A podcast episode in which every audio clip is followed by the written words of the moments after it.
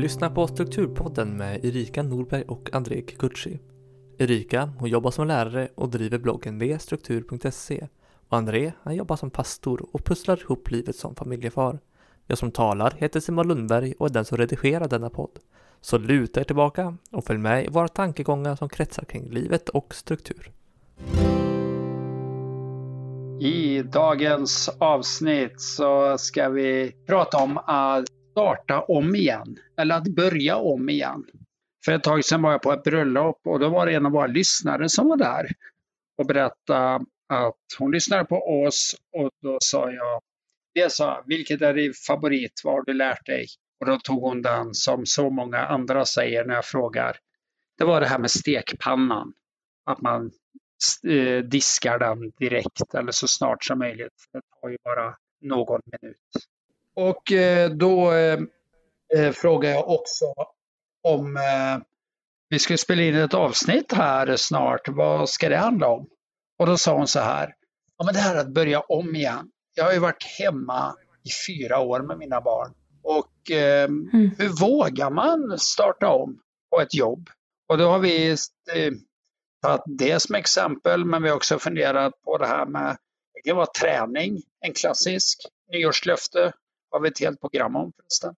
Men studier, föräldraledighet, jobb. Eh, om man eh, börjar studera när man är 50 år och har en helt annan yrkeskarriär bakom sig, hur gör man? Så att eh, det är lite om dagens avsnitt och eh, Erika, är du bra på att börja om? Ehm, mm, Försöka komma på om jag har något exempel. Börja om att träna har jag väl gjort några gånger, skulle jag tro.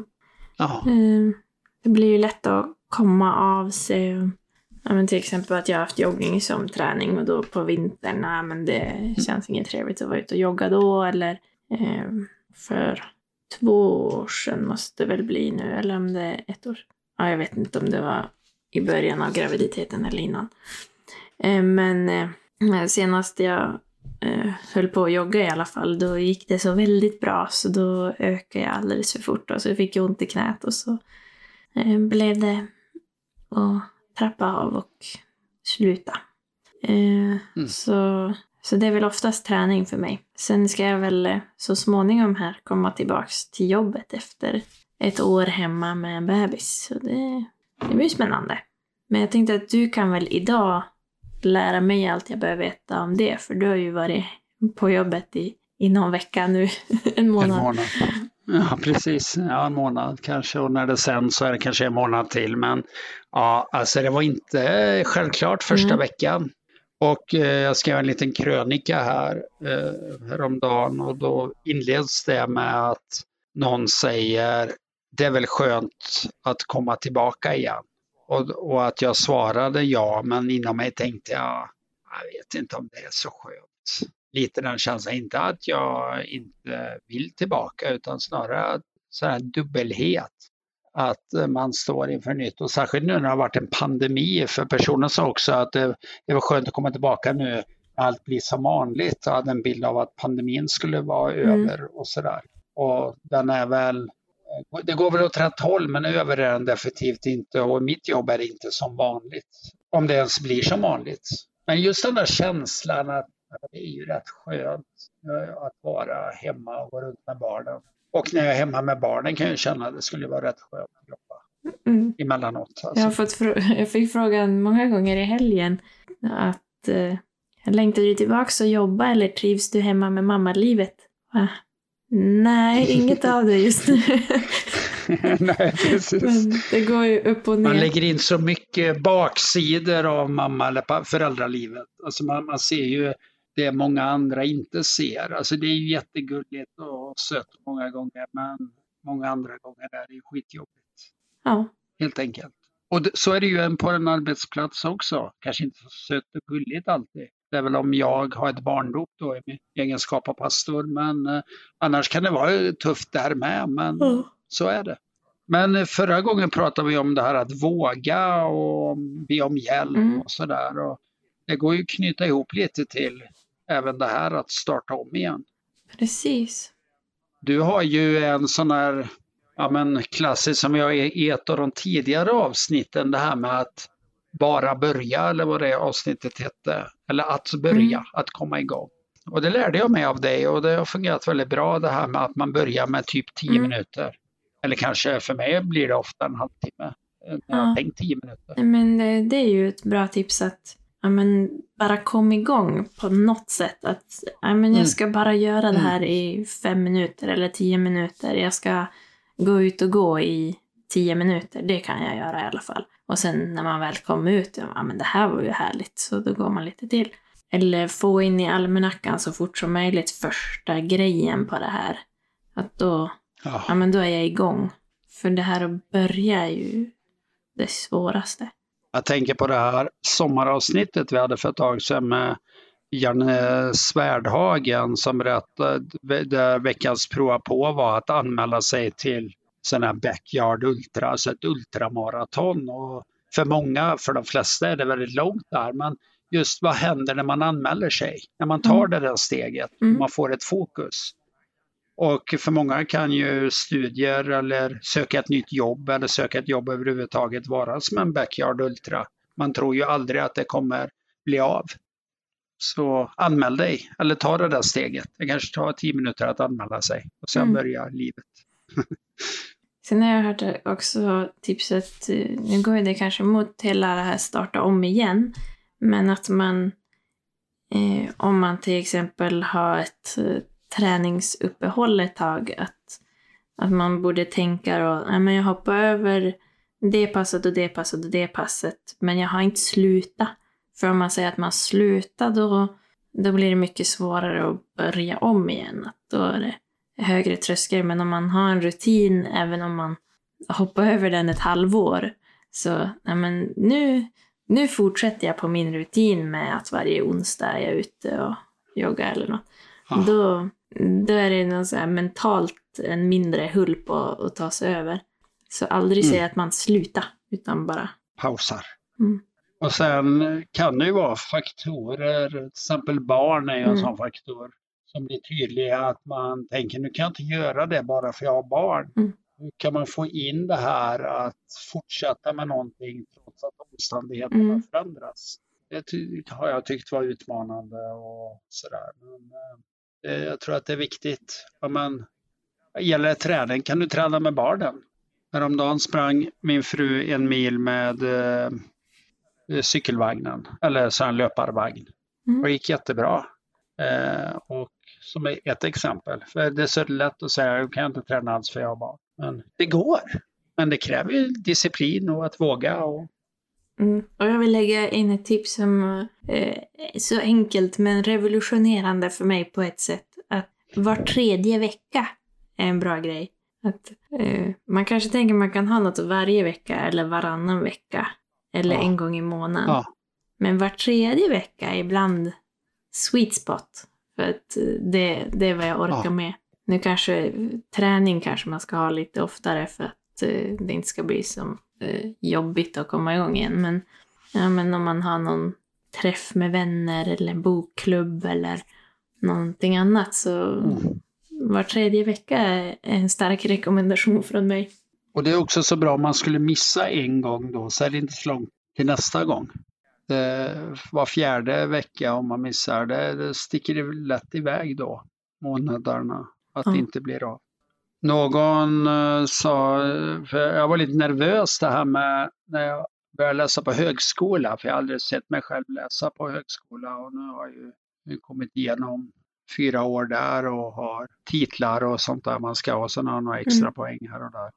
Men att man måste ha en strategi för att kunna läsa från början. För har du inte det, då vet du inte vad du ska leta efter för kunskap och du kan inte ta in tusen sidor akademiska studier i en kurs rakt av. Och då sa lär dig innehållsförteckningen. Alltså lär dig rubrikerna.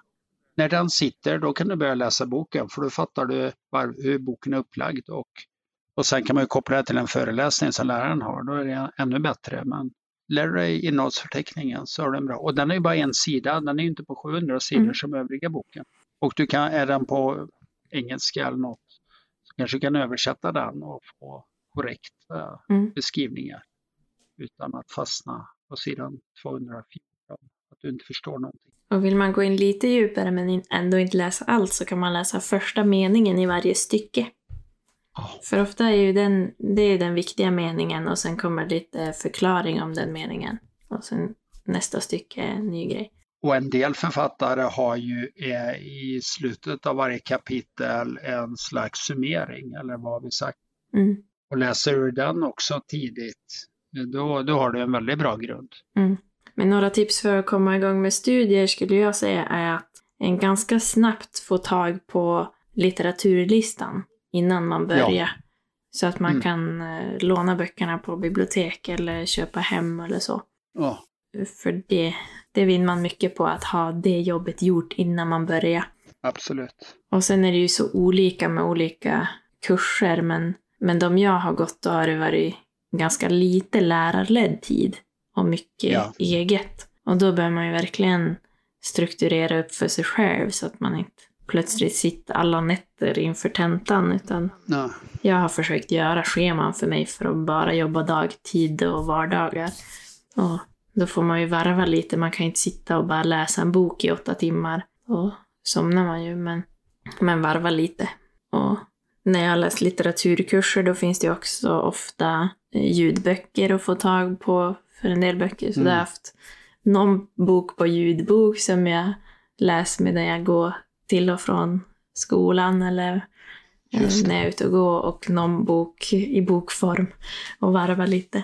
Och är du på högskola, universitet och så inser du, eller du kanske har en diagnos med eh, att du har svårt att läsa och skriva, då finns det ju jättebra hjälp att få om man pratar med skolan om det, Mm. studierektor och liknande instanser. Det är väl i princip krav på dem att erbjuda det stödet. Mm. De, de läser inte åt dig eller gör tentan åt dig, men de ger dig den, de förutsättningar så att du är på samma nivå som övriga grupper. Ja. Det var räddningen för en kompis till mig. Han hittade ju läs och skrivsvårigheter i vuxen ålder och var ju inget han ville liksom skylta med riktigt. Men, eh, och då blev det ju tufft första året på högskolan, men sen då när han bad om hjälp då fungerade det ju jättebra. Mm. Han var ju inte dum i huvudet bara för att han inte kunde läsa. Nej. Snarare tvärtom. Han hade ganska skarpt huvud, men när han fick höra texten då kom han ihåg det mesta. Mm. Eh, men träning tänker jag är en, en ganska stor del i det här starta Mm. om igen. Som, Mm. ja, men man blir sjuk eller skadad Precis. eller någonting och så ska man försöka komma igång igen. Eh, och där kan jag tipsa om att eh, jag länkar här till ett blogginlägg också som heter Kom igång efter träningsuppehållet. Så kan man läsa mer. Men om jag ska ta några snabba tips Mm. eh, så eh, fundera varför du vill träna. Att försök hitta någon anledning som är svår att argumentera mot när du inte är Ja. sugen på det. För ofta är man ju inte så sugen när man har haft en lång paus att komma igång. Eh, Så ja, men vill du förhindra att få hjärt och kärlsjukdomar, kanske är i riskzon för Mm. det, eller vara stark, smärtfri.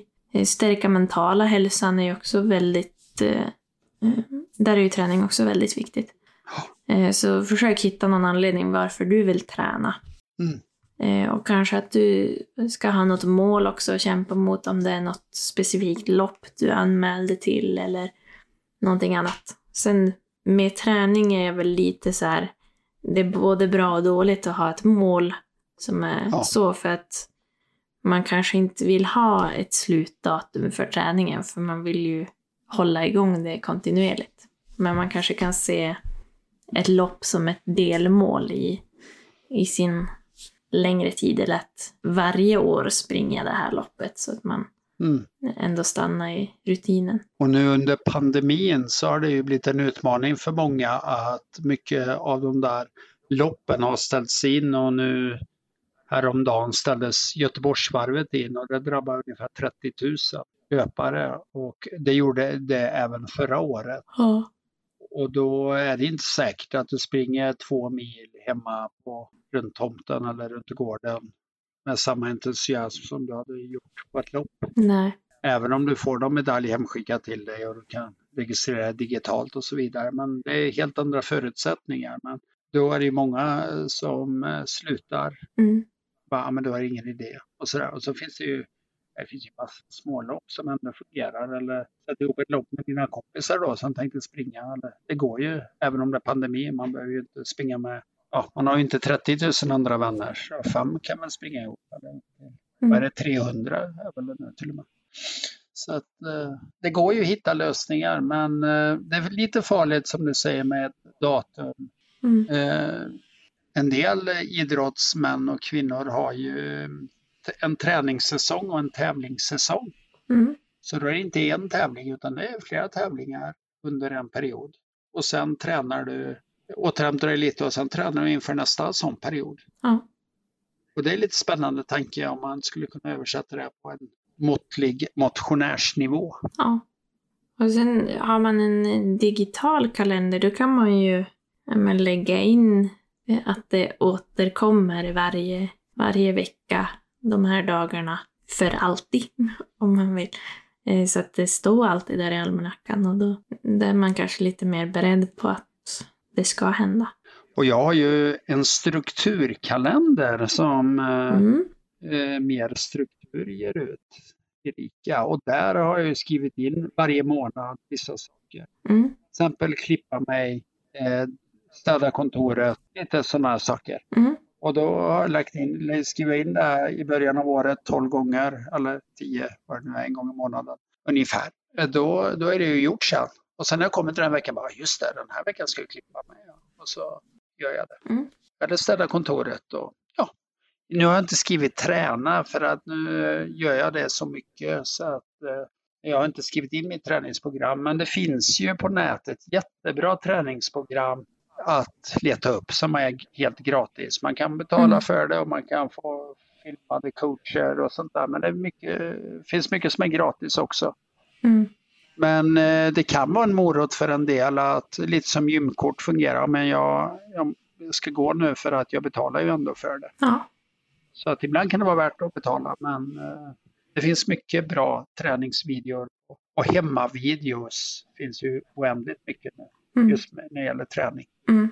Men, eh, och så försöka ta bort så mycket hinder som möjligt. Att, ja, men, är det svårt att komma från hemmet, ja men gör sådär hemmaträning, 15 minuters pass på YouTube eller eh, på något vis sänk så många trösklar som går.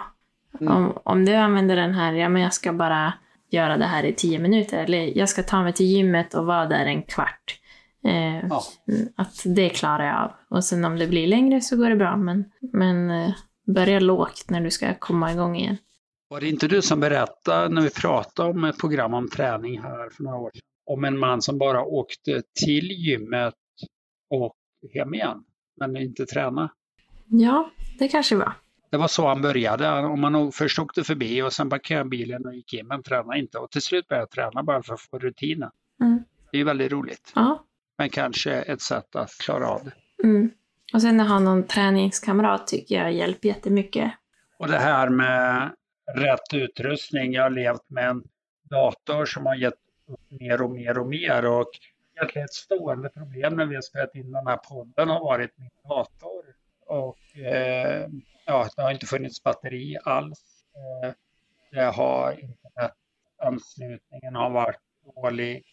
Jag sparar saker så vet jag inte om eh, var det tar vägen för det är som ett tröskverk.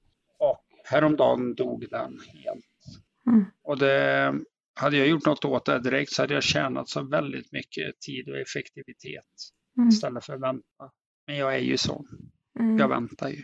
Ja, och så är det ju för många med träning också att Ja, hade jag kommit igång då hade jag inte haft så här ont i ryggen nu eller precis. haft de här problemen. Så kom igång.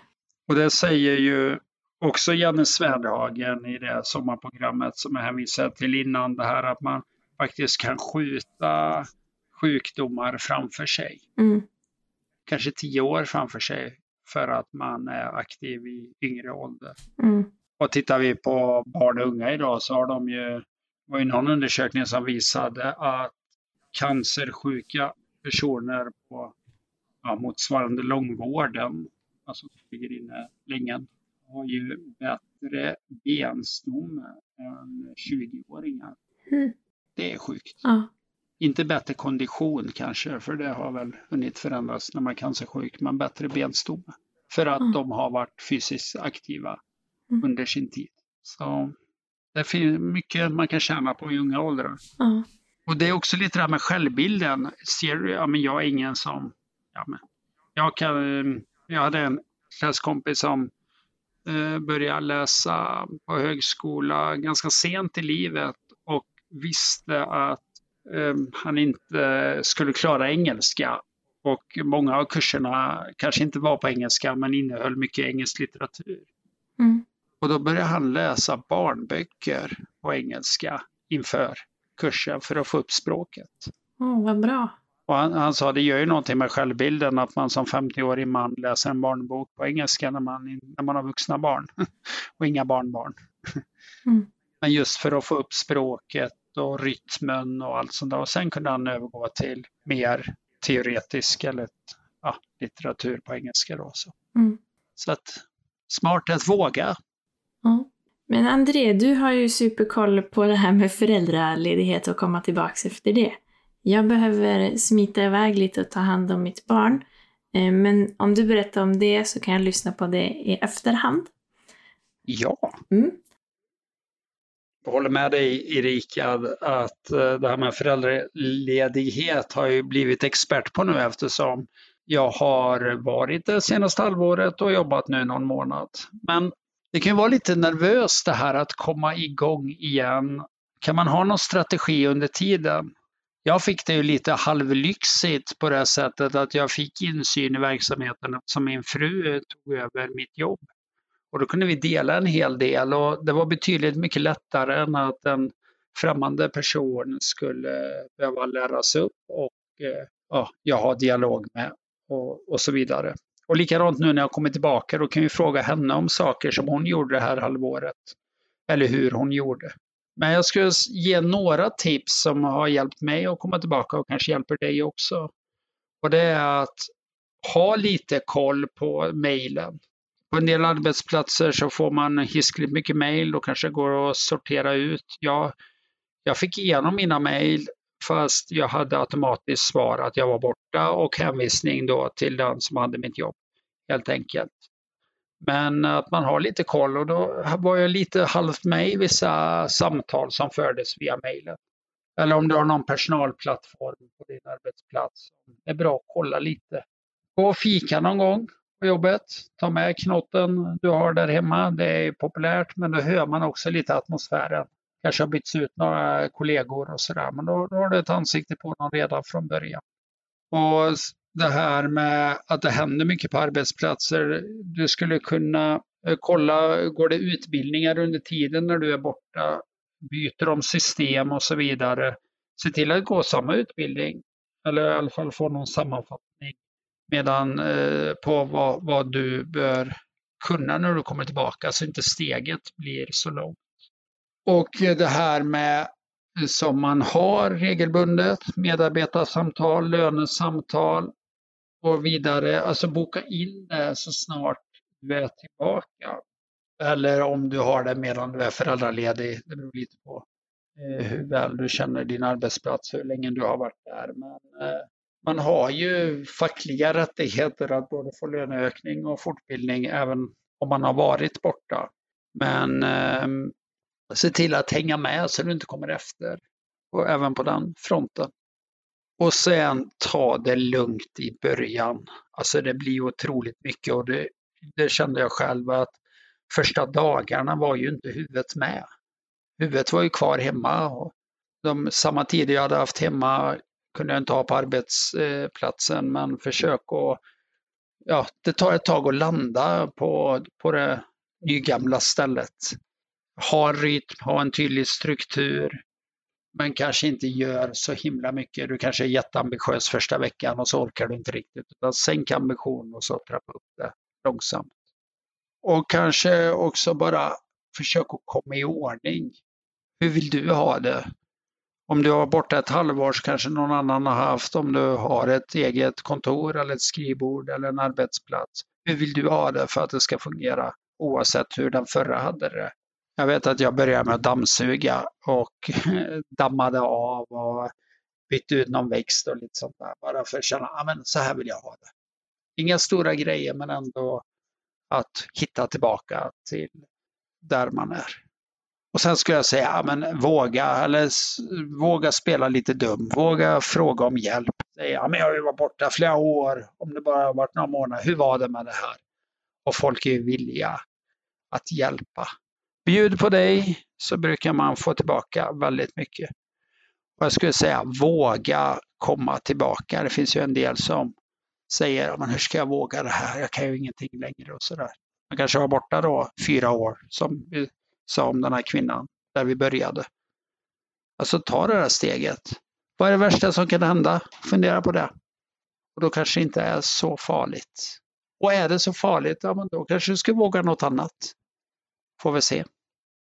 Så nu är jag tillbaka igen. Tack så mycket för att du har lyssnat och eh, har du någon fråga skicka gärna till hejsnabelastrukturpodden.se eller skriv i vår Facebookgrupp Strukturpodden eller använd kontaktformuläret på strukturpodden.se.